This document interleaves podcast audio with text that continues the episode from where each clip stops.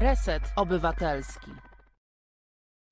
Dobry wieczór Państwu. Witam w kolejnym odcinku programu naszego cotygodniowego. Trochę późna pora, ale mam nadzieję, że Państwo są z nami. Ja w każdym razie bardzo lubię taką pogodę. Lubię, jak jest e, ciemno, zimno, bo wtedy mi nie szkoda siedzieć nad pozwami, nad kolejnymi papierami i dzięki temu mogę bardziej skutecznie i dużo więcej pomóc e, większej liczbie osób. Bardzo dziękuję naszym słuchaczom, że są z nami mimo późnej pory i bardzo dziękuję panu Waldemarowi Wysokińskiemu, naszemu producentowi, dzięki któremu nasz program może się dzisiaj mm, odbyć. Chciałam także podziękować e, panu redaktorowi Sylwestrowi Ruszkiewiczowi, który w dzisiejszym na, na portalu na stronie głównej wp.pl zamieścił swój artykuł, w którym o mnie wspomniał kilka razy, także bardzo dziękuję panu redaktorowi i również pozdrawiam serdecznie. E, dzisiaj naszym gościem mm, będzie pani doktor mm, Joanna Gruba, prezes i założycielka Fundacji Science Watch Polska. Witamy panią Joannę. Myślę, że już jest z nami. Dobry wieczór. Dzień dobry, witam państwa bardzo serdecznie i, i słucham pani mecenas. Dobrze, to dziękujemy. Cieszę się, że wszystko się jakoś dobrze ułożyło. E, chciałam zapytać, e, czy, co było przyczyną i co spowodowało, że zdecydowała się Pani założyć tę fundację? Czym ta fundacja się zajmuje? Tak, czym się nasza fundacja zajmuje? Bardzo dobre pytanie, e, bo mm, pierwszy cel, który w ogóle przyświecał założeniu fundacji, to było przede wszystkim uzyskanie jawności do dokumentów w postępowaniach awansowych. Tak, to był główny cel, który w zasadzie był naszym priorytetem ponieważ na uczelniach, jak się okazuje, wszystko jest tajne. Większość dokumentów jest tajna. Recenzje są tajne, protokoły są tajne, e, nagrania są tajne e, i w postępowaniach awansowych ten doktorant, habilitant czy osoba, która ubiega się o e, tytuł profesora, okazywało się, że ze względu na to, że nie ma dostępu do dokumentów, tak naprawdę nie ma możliwości obrony. Tak? I to był taki nasz pierwszy y, cel, który przyświecał y, założeniu fundacji. Następnie y, zaczęły się do fundacji zgłaszać osoby, e, które dostrzegały nieprawidłowości w postępowaniach konkursowych, e, otwarte konkursy akademickie. To były, to były kolejne sprawy, które zaczęły docierać do fundacji, ponieważ mówimy o otwartych konkursach akademickich, natomiast tak naprawdę no, te konkursy wcale nie są otwarte. E, ani ja, ani chyba większość moich znajomych nie zna e, osób, które dostają się z otwartego konkursu akademickiego. E, te konkursy są zawsze w jakiś sposób promowane. Osoby, które mają dostać się na wolne stanowisko akademickie, zawsze są promowane przez kogoś, prawda? Albo to mąż, albo to kuzyn, albo to koleżanka sąsiadki, prawda? Wobec tego tak naprawdę nie wybiera się tych osób z najlepszym dorobkiem, tylko niestety, ale konkurs kursy akademickie w większości są po prostu ustawiane. E, zaczęliśmy takim, myślę, dosyć dużym przełomem w naszej działalności był wyrok e, Miłki Stępień, pani doktor Miłosławy Stępień. Był to wyrok, który do do dzisiaj jest bardzo aktualny i który nam pokazał, że tak naprawdę e, dokumenty są jawne. Dokumenty powinny być jawne, dokumenty, protokoły, prawda? A mm, osoby, które pracują na uczelni, to są po prostu funkcjonariusze publiczni, którzy powinni nam te dokumenty udostępniać. E, I, I to był, powiem Państwu, przełom w naszej działalności. Dlaczego? Dlatego, że zaczęliśmy pisać, zaczęliśmy pisać prośby do rektorów, do dziekanów, prośby o recenzję, o protokoły, protokoły, o nagrania, w zasadzie o wszystko, o co mogliśmy się starać, zaczęliśmy pisać. I, I tak naprawdę zaczęliśmy dawać ludziom szansę, zaczęliśmy dawać ludziom nadzieję na to, że, że po prostu mogą się bronić, w, w, czy to w konkursach akademickich, w których czuli się skrzywdzeni, że nie dostali swojej wymarzonej pracy, czy też po prostu w postępowaniach awansowych. E, ale obecnie, obecnie najwięcej spraw do fundacji, które trafiają, to są po prostu sprawy, to są sprawy, które dotyczą mobbingu, dzwonią do nas, czy piszą do nas osoby pokrzywdzone, osoby szykanowane, osoby nękane, osoby wobec których stosuje się przemoc psychiczną. I powiem Państwu, że na początku nie wiedzieliśmy, jak reagować. Tak? Nikt nas tego nie nauczył. My tak naprawdę jesteśmy w zasadzie pierwszą fundacją, która zajmuje się taką tematyką. Nie było nikogo przed nami. Nie wiedzieliśmy, jak pomagać tym osobom, nie wiedzieliśmy, jak reagować. I pierwsze, co zaczęliśmy robić, no to po prostu pisaliśmy do dziekanów, do, do, do kierowników katedr, pisaliśmy do rektorów, czy wiedzą, że u nich w jednostce dzieje się taka sytuacja, prawda? A wiedzieli, prawda? No bo przecież e, są osobami na stanowiskach, kierują zakładem pracy, wobec tego wiedzieli. E, pisaliśmy, czy wiedzą, jakie kroki podejmują e, wobec zaistniałej sytuacji. I powiem pani, pani mecenas, że niejednokrotnie samo zgłoszenie, nasze zgłoszenie takiej osoby z zewnątrz, fundacji takiej niezależnej, czynnika społecznego bardzo często e, wystarczało, żeby e, na przykład e, rektor powiedzmy zorientował się, że to już nie jest ich wewnętrzna sprawa, tylko zaczyna w sprawę ingerować ktoś z zewnątrz, prawda? Nie zamieciemy już tego pod dywan, nie zamieciemy tej sprawy pod dywan, bo zaczyna się tym interesować już ktoś z zewnątrz a nóż opiszą, prawda? A nóż się y, rozpowszechni ta sytuacja, mhm. czyli może lepiej faktycznie odpuścić takiej osobie, y, niż dopuścić do tego, że nasza uczelnia zostanie opisana, opisana w mediach. I tak mówię, niejednokrotnie samo zgłoszenie sytuacji do rektora, do dziekana wystarczyło, żeby po prostu osoba poczuła choćby chwilową ulgę tym nękaniu. Obecnie poszerzyliśmy tą naszą działalność i jeździmy na postępowania dyscyplinarne, tak? Pomagamy tym osobom jeżdżąc na postępowania dyscyplinarne, tym osobom, które się czują pokrzywdzone, skrzywdzone. Jeździmy na postępowania dyscyplinarne w charakterze obserwatorów, prawda? W charakterze obserwatorów, bo tutaj jakieś no, za bardzo dużego pola manewru nie mamy.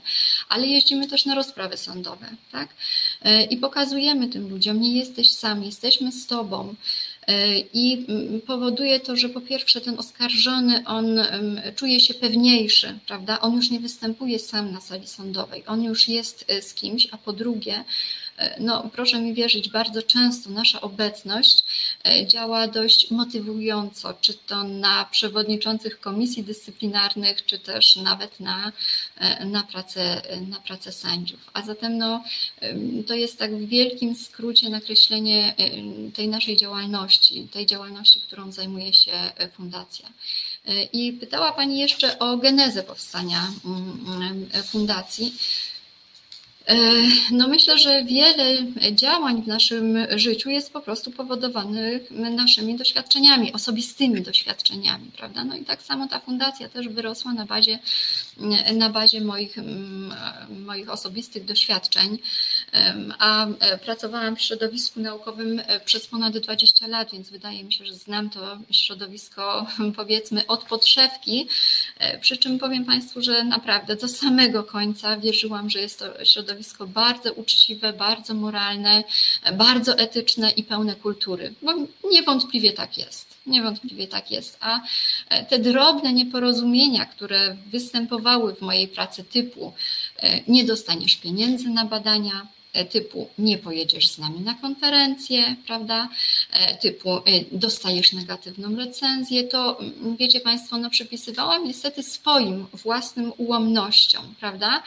Nigdy nie myślałam, że to jest spowodowane mobbingiem, tym bardziej, że w czasach, kiedy ja pracowałam, na uczelni o tym mobbingu nie mówiło się za dużo. Mobbing, nierówne traktowanie to jeszcze nie były takie pojęcia e, szeroko rozpowszechnione, e, jak są, e, jak, jak są obecnie, prawda? Czyli tak naprawdę myślałam, że to ze mną jest coś nie w porządku, że przyczyna tkwi gdzieś we mnie, aż do czasu, kiedy Kiedy? No, no właśnie, kiedy zostałam, mm, dostałam decyzję o odmowie nadania stopnia doktora habilitowanego i z dnia na dzień zostałam zwolniona z pracy. Tak?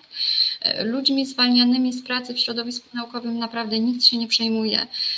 To, że zostałam z dwójką małych dzieci, to, że zostałam bez pracy, to naprawdę nikogo absolutnie nie obchodziło. Przy czym myślę, że bardzo ważne jest też to, że razem ze mną zwolniono 11 osób przy czym 10 osób z powrotem przywrócono do pracy, prawda? Więc proszę zobaczyć, tylko ja tak naprawdę zostałam poza zakładem pracy, zostałam pozbawiona możliwości e, obrony przed recenzjami, które dotarły do mnie, a które były pełne nieprawidłowości, które były pełne fałszerstw i kłamstw. Zostałam bez jakiejkolwiek pomocy, tak? Zostałam bez jakiejkolwiek pomocy i tak naprawdę wydawało mi się, że ja jestem sama, jedna, jedyna. Ja nie znałam takich osób w moim środowisku. Proszę mi wierzyć, nie znałam takich osób w moim środowisku. I, i znowuż y, całą winę wzięłam na siebie. Myślałam, no tak, no sama sobie jesteś tego winna, jesteś zbyt mało dobra, jesteś za słaba, nie nadajesz się do tego środowiska, ale czułam takie, takie ogromne y, poczucie niesprawiedliwości i e, nie mogłam walczyć z recenzjami, bo habilitant nie ma prawa do obrony. Proszę mi wierzyć. Ja mówię zawsze, morderca ma prawo do obrony, ale habilitant niestety nie. E, I mąż namówił mnie do tego, żeby założyć stronę internetową i kiedy zakładałam tą stronę internetową, habilitacja EU, myślałam, że zamieszczę na tej stronie internetowej tylko i wyłącznie odpowiedzi na recenzje. Taki był cel założenia mojej strony internetowej. Ale kiedy zamieściłam te recenzje, zaczęli się do mnie zgłaszać ludzie. I ja mówię, ojej, to chyba nie jest tak, że ja jestem jedna, jedyna, bo nagle zaczęło się do mnie zgłaszać mnóstwo osób z takimi samymi problemami jak mój, prawda? Z takimi samymi przeżyciami, z takimi samymi doświadczeniami. I ja mówię, my jeste, nas jest więcej, nas jest więcej, tylko my po prostu o sobie nic nie wiemy. I ta strona Habilitacja EU zaczęła nas łączyć. Myśmy zaczęli sobie pomagać, prawda? Na zasadzie na razie takiej samopomocy. I w pewnym momencie doszliśmy do wniosku, że chyba warto jest zawiązać jakąś taką e, instytucję, która będzie pomagać osobom, które, które znalazły się w sytuacji no dokładnie takiej samej jak my. Nie wiedzieliśmy jeszcze wtedy, czy to ma być stowarzyszenie, czy to ma być kółko samopomocy, czy to może ma być fundacja, prawda? No w końcu po wielu namysłach, dyskusjach zdecydowaliśmy, e, zdecydowaliśmy się na fundację. E, I teraz działając jako fundacja, naprawdę mamy dużo większe możliwości oddziaływania na organy niż e, pojedyncza osoba, bo jeżeli napisze Joanna Gruba do ministerstwa, to proszę mi wierzyć, że taka odpowiedź zostanie bez odpowiedzi, takie pismo zostanie bez odpowiedzi, prawda? Natomiast jeżeli napisze Fundacja Science Watch Polska, to my uzyskujemy odpowiedzi z organów na poziomie 99%. Naprawdę, mówię, taka zinstytucjonalizowana działalność ma dużo większe możliwości oddziaływania, a przede wszystkim o to nam chodziło. Y, muszę powiedzieć, że nasza fundacja jest fundacją bardzo młodą, bo my założyliśmy się jako Fundacja Science Watch Polska w roku 2019, e, w styczniu 2019 roku, a zaraz e, chwilę później wszedł nam COVID, prawda? Dwa miesiące później wszedł nam COVID. Natomiast ten COVID, muszę powiedzieć, że pokazał nam zupełnie nowe możliwości działania fundacji. My zaczęliśmy się łączyć przez internet, zaczęliśmy organizować webinary, co jest teraz taką, myślę, dosyć mocną e, stroną działania działalności fundacji. Pokazujemy ludziom, że można działać, pokazujemy ludziom, jak walczyć z mobbingiem. Mieliśmy dwa webinary poświęcone właśnie mobbingowi. Mamy webinary poświęcone, jak radzić sobie ze stresem, właśnie w takich sytuacjach stresowych, w takich sytuacjach przemocowych. Mamy też webinary, które są związane z taką naszą działalnością naukową. Na przykład był webinar z panem profesorem Węgrzynem, z przewodniczącym Rady Doskonałości Naukowej naukowej, więc naprawdę pokazuje nam ten internet dużo inne możliwości niż gdybyśmy się spotykali, e, nie wiem, gdzieś w jakimś mieście w, w centrum Polski, prawda? Także to, to są działania zarówno na rzecz pojedynczych osób, te nasze działania fundacyjne to są zarówno działania na rzecz pojedynczych osób, którym, którym naprawdę staramy się pomóc, staramy się nie zostawić żadnego maila czy żadnej osoby, która się do nas do fundacji zgłasza bez pomocy, ale staramy się też łączyć tych ludzi, tak? E, e, X, Y i Z mają podobne problemy, to niech oni się połączą i niech oni myślą, co można z tym problemem zrobić, prawda? Pokazać tym ludziom, że nie są sami, tak jak mnie się wydawało, że byłam sama. Pokazać tym ludziom, że po prostu wspólnie można dużo, dużo więcej. I, i, i myślę, że to są główne nurty naszej działalności.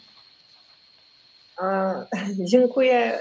Bardzo dużo informacji nam Pani przekazała. E, już słyszę, że mm, są procesy, już słyszę. A jak reagują e, pracodawcy, jak reagują uczelnie wyższe na Państwa obecność w trakcie postępowań takich wewnętrznych, dyscyplinarnych? E, czy chętnie Państwa widzą, czy raczej nie? To znaczy, ja myślę, że to też jest nowość. Ja myślę, że to też jest nowość dla organów, prawda? Dlatego, że e, dotychczas tak naprawdę to wszystko działo się za zamkniętymi drzwiami, prawda? Wszystko zamykało się w czterech ścianach i te postępowania to były wręcz takie sądy kapturowe, prawda? Nigdy nie tak. będzie nic dobrego z postępowania, w którym bierze udział e, przełożony ofiary, prawda? Bo, bo takie postępowania mamy. Natomiast jest to, myślę, duże zaskoczenie zarówno dla organów, które prowadzą te postępowania dyscyplinarne. No dla nas to też jest duża, duża nowość. Na niektóre postępowania wchodzimy bez problemu, na niektóre postępowania nas nie wpuszczają, ale to wtedy, ale, ale nie odpuszczamy, no po prostu staramy się nie odpuszczać i, i, i działamy. A y, z tego, z tego, co słyszę y, i też no, mam taką wiedzę, nie ukrywam tego, że są nieprawidłowości, są naruszenia, ale to są różne naruszenia. A na czym polegają naruszenia praw pracowniczych na uczelniach wyższych, gdzie przecież są kształcone te młode kadry, tak, pracownicy naukowi, no to nie wyobrażam sobie, jaki ci młodzi ludzie dostają przekaz, tak? Tego, co oni tak naprawdę z tych uczelni, gdzie jest mobbing, naruszanie praw pracowniczych, gdzie pracownicy są zestresowani i to po mm. nich widać, roztrzęsieni, to co ci młodzi ludzie z tego wynoszą? Więc jakie to są te na, takie na, typowe naruszenia praw pracowniczych y, na uczelniach wyższych? Mm. Naruszenia. Tutaj za chwileczkę będę chciała podać Państwu, Państwu takie konkretne przykłady, może takie przykłady takie najbardziej takie najbardziej, powiedzmy, nie wiem, drastyczne, przerażające, które do nas dotarły e, do fundacji. E, ale tak, Pani mecenas, no ma Pani rację, że w, na uczelniach zostają ludzie, którzy, którzy wierzą, tak? którzy wierzą właśnie w to, że, że ta nauka i że to szkolnictwo wyższe powinno stać naprawdę na wysokim poziomie. I ma Pani rację, że przekaz tym młodym pokoleniom jest nieraz naprawdę bardzo przerażający, bo żeby zostać naukowcem, e, to trzeba mieć ogromne, ogromne zaparcie. Tak? To są ludzie, którzy chcą dokonać odkryć naukowych. To są ludzie, którzy chcą dokonać czegoś dobrego dla nauki i dla społeczeństwa i oni wierzą, właśnie wierzą przede wszystkim tym swoim przełożonym. Doktoranci wierzą e, swoim promotorom, którzy niejednokrotnie wykorzystują ich pracę dla swoich własnych, dla swoich własnych celów. I myślę, że ludzie, którzy zostają e, na uczelni, e, no, tak jak powiedziałam, wierzą w uczciwość, w moralność e, swoich przełożonych, ale jak się okazuje, ci młodzi ludzie, ci młodzi ludzie pełni zaangażowania i pełni takiego, mm, takich ambitnych planów, takiej werwy, mm, otwartości, to są niestety ludzie bardzo często właśnie narażeni na mobbing. I mm, no właśnie, ja sobie tutaj przygotowałam taki krótki fragment, który znalazł się na naszej stronie internetowej. To jest cytat. Jedna z pań twierdzi, że narażone na mobbing y, uczelniane są jednostki zdolne, entuzjastycznie nastawione do pracy, wyłamujące się z systemu w subiektywnym odczuciu. To zwykle mobbingowani są ci, którzy stanowią konkurencję dla decydentów i którzy tak podejmują tematy naukowe drażliwe lub już zarezerwowane, tak? Zarezerwowane tematy. Proszę zobaczyć, mamy naukowców, którzy od prac magisterskich aż po profesora zajmują się jedną tematyką i to, co teraz Państwu powiem, to jest przykład autentyczny, który usłyszałam z ust pewnego profesora. Każdy z nas powinien mieć swoje własne poletko naukowe. I jeżeli inny naukowiec wejdzie w to moje poletko, to ja po prostu do niego strzelam. To są autentyczne słowa profesora, tak? Czyli strzelamy do tych naukowców, którzy mogą się nie zgodzić z moimi poglądami, które tworzę sobie już na przykład od 50 lat. Ale dalej, mobbing bywa też często stosowany, i teraz uwaga, jako metoda zarządzania zakładem, jako metoda dyscyplinowania pracowników. Kierownicy merytorycznie nieprzygotowani do kierowania zespołami ludzkimi, którzy osiągnęli pułap własnej niekompetencji, często stosują terror psychiczny dla utrzymania się przy władzy poprzez eliminowanie zbyt aktywnych, zbyt kompetentnych, a zatem potencjalnie zagrażających im pracowników. I to jest, myślę, to, o co pani mecenas pytała, prawda? I proszę jeszcze to odnieść do, do uczelni. Proszę sobie wyobrazić, że mm, kierownicy katedr, że mm, osoby, które kierują ogromnymi zespołami ludzkimi, to tak jak tutaj przytoczyłam w tym fragmencie, to są bardzo często osoby nie mm, przystosowane do kierowania ludźmi. To są to są e, osoby, które nie ukończyły żadnych studiów podyplomowych w zakresie zarządzania. Jeżeli mówimy o zarządzaniu zespołami, to nauczycielka przedszkola, która ma dwie osoby, ma dwie grupy w przedszkolu, prawda? Ona musi ukończyć studia z zakresu zarządzania, natomiast kierownicy katedr, którzy, rektorzy, którzy rządzą ogromnymi zakładami pracy, tak naprawdę nie posiadają bardzo często kompetencji do zarządzania takimi zakładami. Dobrze, to y, myślę tak, y, że y, chwilę byśmy, za chwilkę może zrobimy przerwę, tylko ja jeszcze chciałam zapytać o taką rzecz. E, jak, jak wyglądają w takim razie, skoro jest mobbing, I widać, że to jest mobbing schematyczny, to znaczy eliminowani są ci najbystrzejsi, najbardziej zaangażowani jako zagrożenie właśnie. No nie dziwi mnie to, no bo wiadomo, że moderzy są schematyczni, widać z tego, e, co pani prezes e, przedstawia także na uczelni, E, to czy y, postępowania mobbingowe również są tajemnicą i nikt nie ma do tego dostępu, nie ma dostępu do akt, nie ma możliwości e, uczestniczenia, czy macie Państwo jako fundacja możliwość uczestniczenia w takich postępowaniach antymobbingowych? E, pani mecenas, e, takich postępowań przeszliśmy kilka i tak, bierzemy udział na prawach strony, prawda? Bo o tym mówi nam e, przecież prawo, prawda? Że organizacje pozarządowe mogą brać udział w postępowaniach karnych i mogą brać udział w postępowaniach administracyjnych i staramy się brać udział w takich postępowaniach.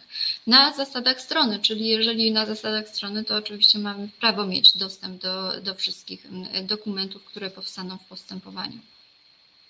I rzeczywiście macie Państwo ten dostęp do dokumentów, ponieważ ja się spotkałam e, z sytuacją, kiedy e, pracodawca, jakby szydząc ze mnie jako z pełnomocnika, e, stwierdził, że to są wewnętrzne dokumenty pracodawcy tak, i nie udostępnił, nie udostępnił tego. Tak? tak? I to, tak. czy takie sytuacje też mają miejsce? Tak. Tak, bardzo często, bardzo często zdarza nam się właśnie e, taka odpowiedź, że są to dokumenty wewnętrzne jednostki, prawda?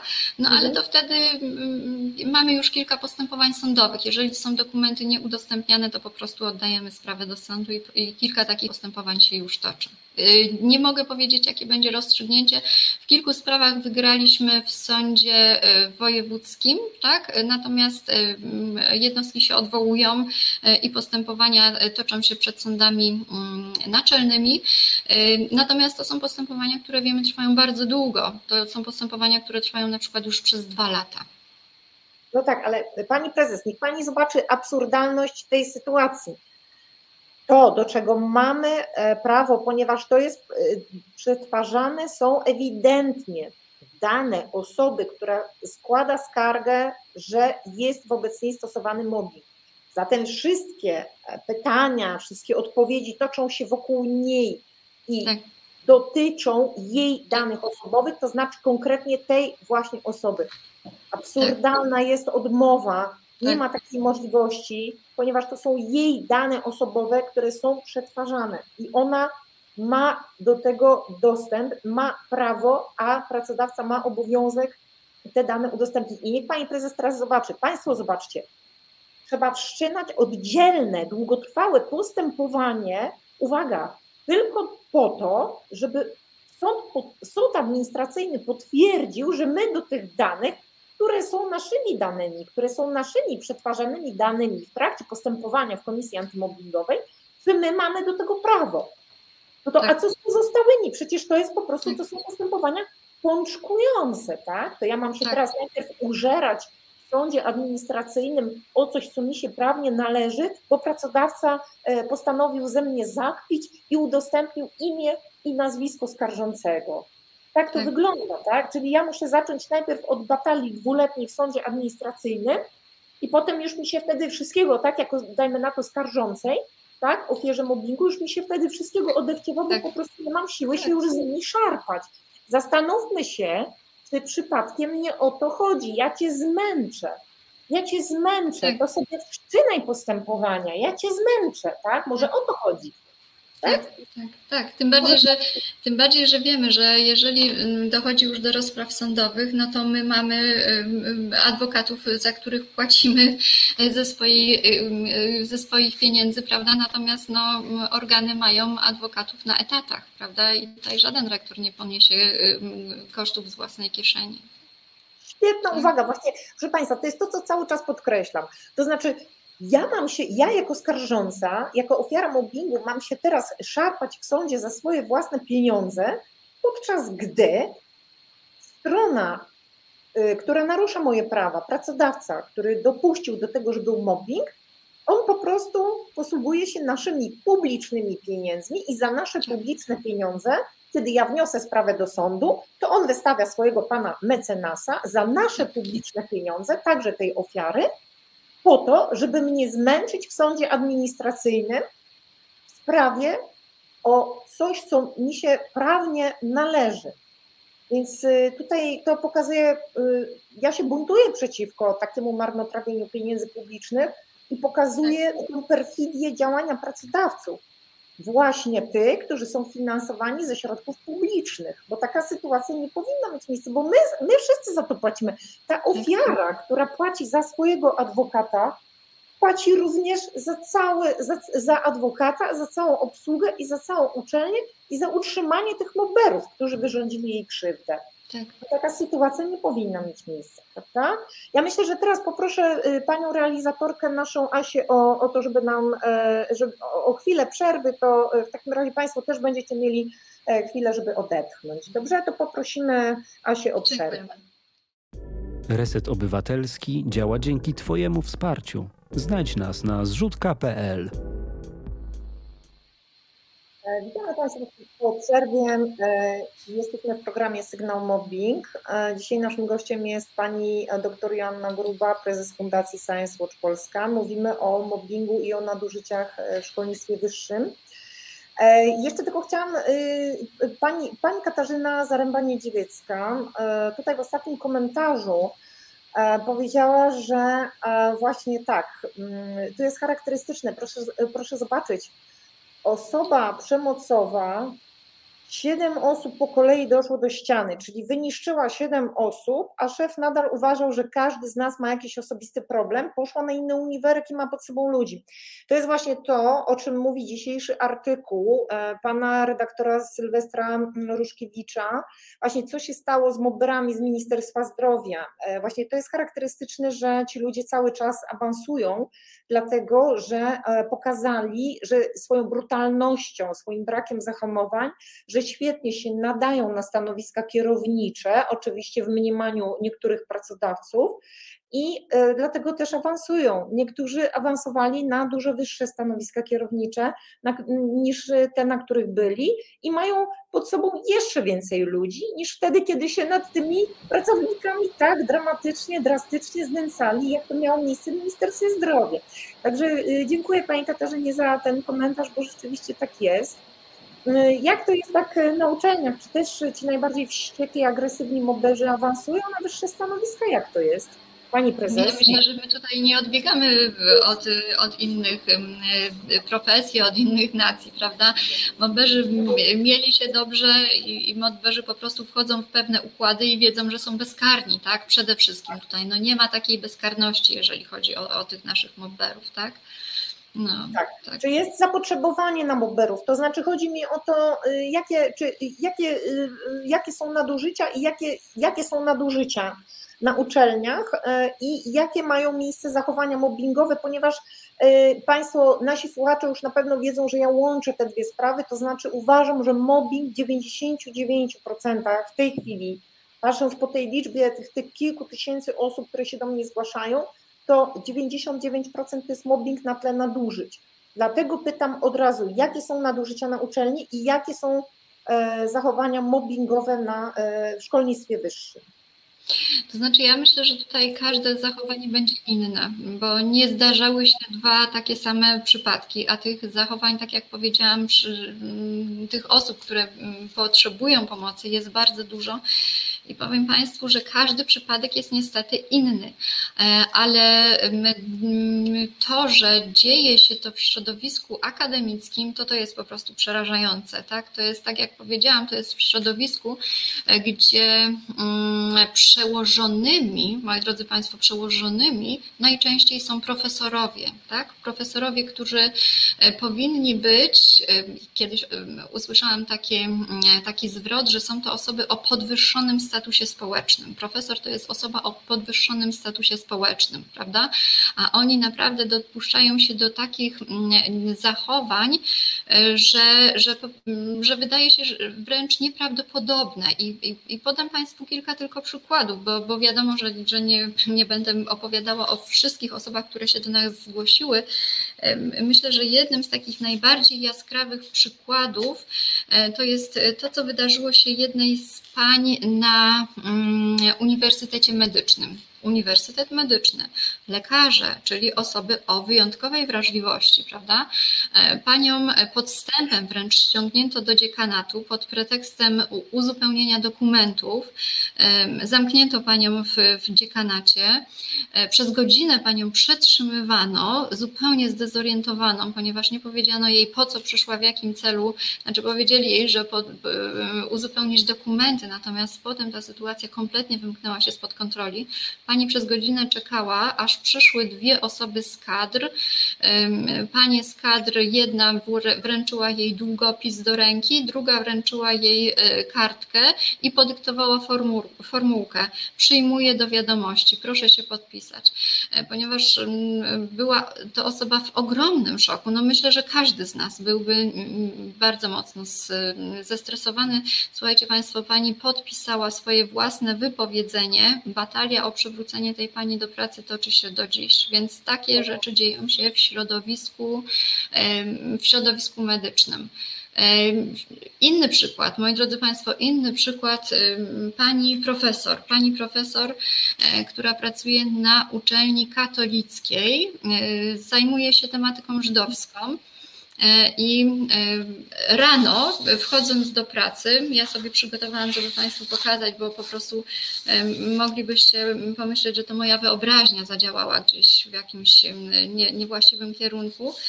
Pani otrzymuje, proszę zobaczyć, takie Pani dostaje takie, mm, ma przyklejone do drzwi. Jeszcze jeden, jeszcze jeden moment, bo kamera jest tutaj, tak, Żydowa do gazu. Moi drodzy Państwo, to się dzieje teraz. To, to nie jest y, sytuacja sprzed, nie wiem, sprzed ilu tam lat. To się nigdy nie powinno zdarzyć, prawda? Ale to się dzieje dzisiaj, to się dzieje wobec profesora i to się dzieje na katolickiej uczelni. Jeszcze jeden przykład, moi drodzy Państwo, bo, bo też myślę, że, że warty przytoczenia ponieważ e, proszę pamiętać o tym, że e, nauka to nie są tylko uczelnie, to są również instytuty badawcze i instytuty PAN. I my takimi jednostkami również się zajmujemy, ponieważ tam też dochodzi do przeogromnych nieprawidłowości. I mm, chciałam Państwu przeczytać fragment dosłownie bardzo dramatycznego i wstrząsającego listu, który dostałam całkiem niedawno od jednej z pań pracujących w Instytucie PAN, która pisze, że oprócz tego, że ona jest na skraju wytrzymania, wytrzymałości nerwowej, kolejne cztery osoby znajdują się na skraju załamania nerwowego na skutek zachowania pani kierownik. Jak na ironię, i teraz proszę posłuchać, jak na ironię, dział naukowy nosi nazwę Ośrodek Badań nad totalitaryzmami. Gdyby ktoś nie wiedział, jak działa system totalitarnego zgnębienia, to właśnie tam się dowie. Nie bez przyczyny nazwaliśmy nasz dział szaraszką, czyli gułagiem dla naukowców. Jednak to, co pod kierownictwem pani kierownik się dzieje, przewyższa znacznie szaraszkę opisywaną przez Sołżenicyna. Moi drodzy Państwo, ja myślę, że to jest naprawdę temat, którym trzeba się zająć, bo ci ludzie psychicznie nie wytrzymują.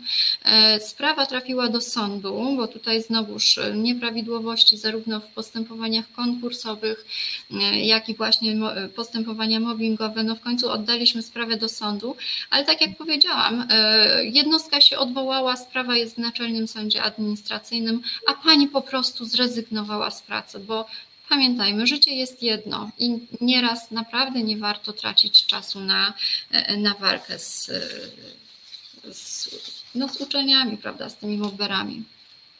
Dobrze, a bardzo ważny wątek właśnie. Dziękuję, że Pani to powiedziała, bo właśnie my się tutaj zastanawiamy w programie, właśnie też także w kontekście dyrektywy o ochronie sygnalistów mm, i zastanawiamy się, jak to tak naprawdę jest. I e, każdego gościa pytam też o to, czy w świetle tego, i teraz panią prezes też spytam, biorąc pod uwagę e, te przypadki, które pani zna, e, te osoby, które pani też widzi, tak, bo ja też widzę moich podopiecznych, w jakim są dramatycznym stanie, tak, czy oni w ogóle dadzą radę przejść przez postępowanie sądowe, tak, więc czy Pani zdaniem lepiej jest po prostu uciec z takiej uczelni, czy podjąć walkę o swoje prawa, e, ryzykując, że no, po prostu będzie się mocno poturbowany? Że, Jak... że się będzie mocno poturbowanym. E no to zależy od odporności psychicznej takiej osoby, myślę, od wsparcia, przede wszystkim od wsparcia z zewnątrz, z rodziny, tak? Ta osoba nie może zostać bez środków do życia. Ja namawiam ludzi do tego, żeby walczyli. Namawiam, bo im więcej takich zgłoszeń będzie, tym myślę, będzie mniej takich spraw zamiatanych pod dywan. I no, proszę pamiętać o tym, że kropla drąży skałę, prawda? Kropla drąży skałę właśnie tą częstością upadania, więc im częściej będziemy nagłaśniać i opisywać takie sytuacje nieprawidłowości, e, no może coś zadzieje się w naszym środowisku, że ta fala przemocy się mm, w końcu zatrzyma. Natomiast jeżeli ktoś nie ma mm, siły psychicznie, nie ma możliwości, nie ma wsparcia, to trzeba też pamiętać, że życie poza uczelnią też istnieje.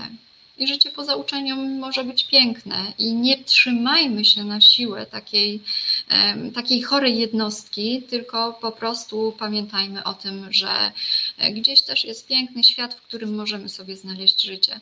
Ja, mnie zwolniono z uczelni, ja nie zrezygnowałam, mnie zwolniono z uczelni, e, natomiast e, ja myślę, że gdybym została w tym środowisku, to chyba już byłabym dawno wrakiem człowieka. Natomiast teraz myślę, że to, co robię, to ma po prostu sens.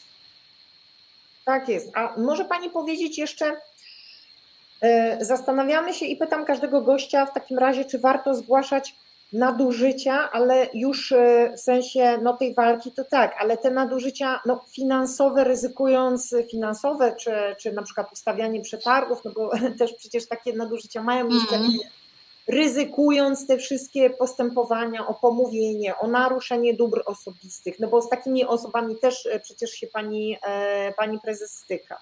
Czy warto te na, na, nadużycia nagłaśniać, czy wręcz skoro pracodawca pozwala na to, skoro bierze w tym udział, skoro e, dopuszcza do tych nadużyć i trzyma osoby, które tych nadużyć dokonują, to nie warto być sygnalistą i sygnalizować, żeby potem po prostu nie mieć tych, no po prostu nie uniknąć procesów i rzucić to i po prostu sobie odejść albo wyjechać za granicę, tak?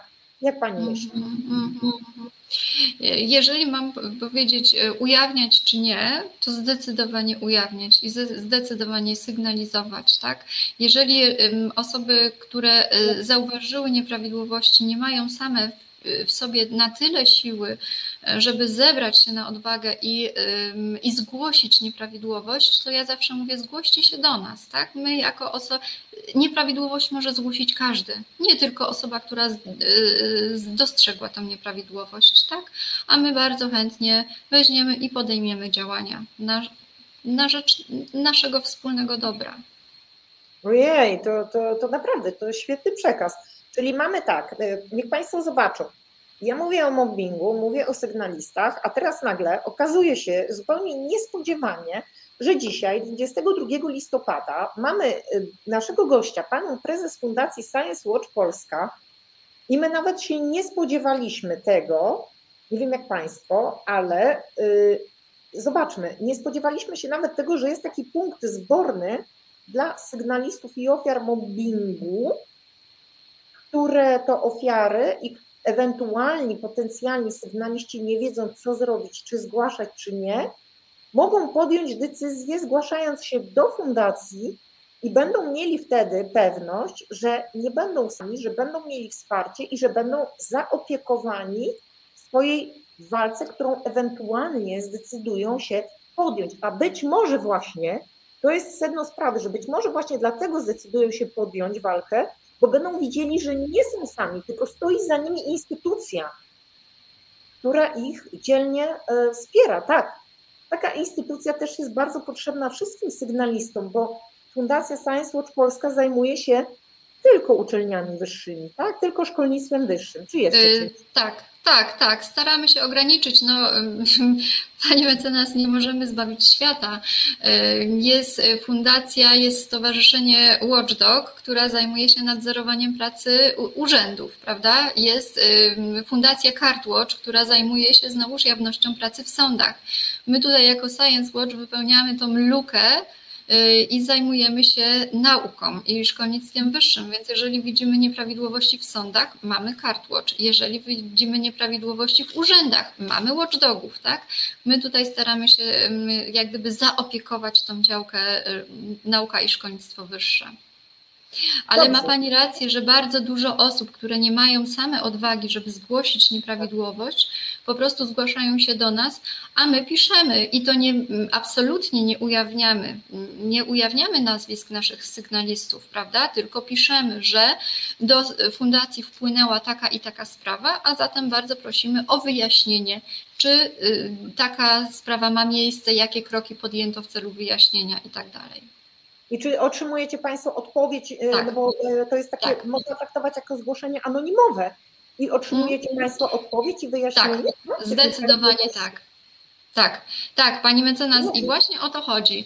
I o to chodzi, że y, gdybym, y, tak jak, y, tak jak już wspomniałam, gdybym napisała takie zgłoszenie jako Joanna Gruba, to prawdopodobnie to zgłoszenie gdzieś tam w, w szufladzie, gdzieś tam u jakiegoś dostojnika, urzędnika by zginęło, prawda? Ale jeżeli piszemy już jako fundacja, to, to tak, to tak jak wspomniałam, mamy około 90-99% odpowiedzi na nasze pisma. Robimy różnego rodzaju raporty, robimy e, badania, robimy sondaże, piszemy do rektorów, do wszystkich rektorów i powiem Pani, że naprawdę ta, ten, ten zwrot odpowiedzi jest, tak jak mówię, na poziomie 80-90%, jeżeli chodzi o, e, o uczelnie a na pisma, na nasze indywidualne pisma, na przykład skierowane do ministerstwa, do komisji etyki, e, czy do różnych innych organów, to myślę, że otrzymujemy, a jeżeli nie otrzymamy odpowiedzi, no to po prostu przypominamy, uprzejmie przypominamy, że nie dostaliśmy odpowiedzi na nasze pismo. No, no tak trzeba działać po prostu. Dobrze, no to świetna wiadomość i uważam, że to jest świetna inicjatywa. I teraz tak sobie myślę, rozmawiając z panią prezes, że skoro mogła powstać taka inicjatywa, pani prezes założyła fundację, ale przecież to może niekoniecznie nie musi to być fundacja, może to być in, na przykład może to być stowarzyszenie, e, może to być jakaś inna zinstytucjonalizowana forma e, współpracy i wsparcia dla sygnalistów, bo Fundacja Science Watch Polska zajmuje się szkolnictwem wyższym, pozostałe dwie organizacje zajmują się też tylko pewnym wycinkiem, a może tak sobie myślę, że może by stworzyć jedną taką dużą platformę dla sygnalistów, gdzie y, można by było, y, gdzie każdy sygnalista z każdej dziedziny, tak, bo jak wiemy, no praktycznie z mojej wiedzy i mogę to Państwu już teraz powiedzieć, dlatego zapraszam gości z różnych, y, z różnych zawodów, żeby pokazać, że właściwie żadna grupa zawodowa nie jest wolna od y, mobbingu i nie jest wolna od nadużyć i od mobbingu na tle tych nadużyć, tak? Więc w każdej grupie zawodowej są potencjalni sygnaliści i trzeba ich chronić i trzeba ich wesprzeć, tak jak właśnie fundacja wspiera, tylko że w tym wąskim wycinku szkolnictwo wyższe, to ja w takim razie jestem za tym, nie wiem co pani prezes na to, ale i państwo przede wszystkim, żeby stworzyć taką jedną wielką platformę, dla wszystkich sygnalistów i wtedy będą, będzie można połączyć te osoby między sobą, tak jak pani prezes powiedziała. Skorzystajmy z tego, skorzystajmy z doświadczeń pani prezes i fundacji, która już działa dwa lata, żeby połączyć te osoby, tak, tak jak pani powiedziała, yy, yy, czy dobrze mówię, połączyć tak. ze sobą te osoby, które mają podobne problemy. Podobne. Mhm. Tak, żeby one, bo, bo jaki jest cel takiego połączenia? Żeby one mogły się wymienić doświadczeniami, tak? tak? Jaki, jaki tak. jest cel takiego połączenia, tylko na przykład z dwóch różnych końców kraju? No, zdecydowanie, właśnie tak, że po prostu każdy z nas ma inne doświadczenie i wymieniajmy się tym doświadczeniem, bo my nawet nie wiemy o sobie, że istniejemy, prawda? A tak jak mówię, ten internet dał nam fantastyczne możliwości i dzięki temu, że mamy internet, ma, możemy dzisiaj prowadzić naszą, naszą dyskusję. Często robimy w ramach fundacji, no właśnie takie spotkania, prawda? Organizujemy grupę osób, zapraszamy grupę osób i dyskutujemy nad jakimś problemem problemem. I, i myślę, że, że tak trzeba, tak? No pewnie, że tak. Bardzo dziękujemy. To jest świetny pomysł. Więc zacznijmy od czegoś, skoro mamy taki program i, i dzięki panom redaktorom e, Resetu Obywatelskiego mamy, co prawda, na razie tylko godzinę ale mamy, czyli zamiast niczego mamy godzinę, więc cieszmy się z tego, co mamy, to w takim razie może tutaj niech będzie ten zalążek już tej, tej wielkiej platformy, gdzie spotykają się sygnaliści i w takim układzie zapraszam wszystkich Państwa, wszystkich sygnalistów, żebyście Państwo do nas się zgłaszali, a już się zgłaszają Państwo, także bardzo dziękuję. Już jest coraz więcej zgłoszeń i, i naprawdę są to bardzo ciekawe sprawy i żebyście Państwo się też odważyli powiedzieć o, o swoich sprawach i o tym, przez co Państwo przechodzicie, żebyśmy my wszyscy wiedzieli i pozostali, którzy się boją i żyją w ukryciu, są zastraszeni i nie mają tej odwagi, żeby widzieli, że inni też przez to przechodzą i że oni nie są sami. I jeżeli połączymy nasze wysiłki, tak, tak mi się wydaje, że tak będzie dobrze, jeżeli połączymy nasze wysiłki, wówczas y, możemy stworzyć coś naprawdę bardzo dobrze funkcjonującego tylko od czegoś musimy zacząć. Mamy godzinę programu, mamy gości tak znakomitych i tak mądrych i tak wartościowych, jak właśnie dzisiaj pani prezes, która naprawdę super robotę robi po prostu dla sygnalistów, tyle, że w swoim wycinku, no bo nie ogarnie wszystkiego, no nie ma takiej możliwości, tak jak ja nie ogarnę wszystkich sygnalistów z całego kraju. Więc możemy e, po prostu te wysiłki jakby y, no, zwielokrotnić, tak? Zapraszamy wszystkich do współpracy, zapraszamy sygnalistów, bo dzięki Państwa doświadczeniu będziemy wiedzieli, co Państwu jest potrzebne, jak Państwu pomóc i będziemy nad tym wszyscy główkować. Mamy znakomitych partnerów już, tak? Po to jest ten program i po to tutaj jestem i właśnie taki był tak naprawdę mój zamysł, żeby pokazać wszystkim sygnalistom i ofiarom mobbingu, że można współpracować, że Państwo nie jesteście sami i że nie jest tak, że jesteście bezbronni Państwo, że macie Państwo prawo do obrony i możliwość. Tak. Bardzo, bardzo dziękuję. Uważam, że dzisiejszy program też bardzo dużo wniósł, podobnie jak poprzednie, tyle, że dzisiaj mamy taką praktyczną stronę tego, jak można sobie wzajemnie pomóc. Mam nadzieję, że też Państwo będziecie mieli jakieś przemyślenia i refleksje na ten temat, bo ka każdy z nas, jeżeli pomyśli i się nad tym zastanowi, to każdy z nas może coś naprawdę wartościowego y, wymyślić. Ja, ja wiem, że tutaj z nami są dzisiaj osoby, które się szczególnie tym tematem interesują, no bo to nie jest jakiś lekki, łatwy, przyjemny temat, więc słuchanie e, takich rzeczy o, tej, o tak późnej porze, no to już naprawdę trzeba to dobrze czuć. Tak jak ja to dobrze czuję i tak jak pani prezes to dobrze czuje, bo my przez to po prostu przechodziłyśmy, a państwo być może przechodzą. Bardzo, bardzo Państwu dziękuję. Bardzo dziękuję Pani Prezes. Bardzo dziękuję i, i naprawdę no, mam nadzieję, że będziemy mogli w razie czego się do Pani Prezes zgłosić i jak najbardziej, jak najbardziej. Moje dane są w internecie, jest zarówno numer telefonu, jak i mail, e, także zapraszam, możemy zorganizować już może nawet nie e, w ramach e, takiego wywiadu, ale w ramach jeszcze jakiejś innej grupy wsparcia, prawda? My po to wykupujemy dla Państwa platformę Zoom, żebyśmy się mogli właśnie widzieć, słyszeć. Możemy zainicjować właśnie taką grupę wsparcia dla sygnalistów. Ja mówię, mogę udostępnić, e, udostępnić Zooma. Jak najbardziej jestem chętna do, do współpracy. Ja również, ja również, bo ja też współpracuję e, też e, w szkolnictwie wyższym, też bardzo dużo ludzi przychodzi do mnie ze szkolnictwa wyższego, także wiem, jakie tam są problemy i też będziemy razem z Panią Prezes Państwa wspierać. Także jeszcze raz bardzo Państwu dziękuję i dziękuję, że Państwo byliście z nami i czekam na Państwa komentarze, czekam na Państwa uwagi, czekam na Państwa pomysły i na zgłoszenia wszystkich osób, które są, chcą wesprzeć inicjatywę i razem z nami wspólnie na rzecz naszego wspólnego dobra i nas wszystkich działać. Także pozdrawiam serdecznie, dziękuję bardzo i pozdrawiam sygnalistów i naszych słuchaczy. Dziękuję ja bardzo. Też. Ja również dziękuję, dziękuję bardzo. Dziękuję ślicznie. Dziękujemy dziękuję. bardzo. Dziękujemy. Dobranoc. Do widzenia. Dobranoc. Do widzenia.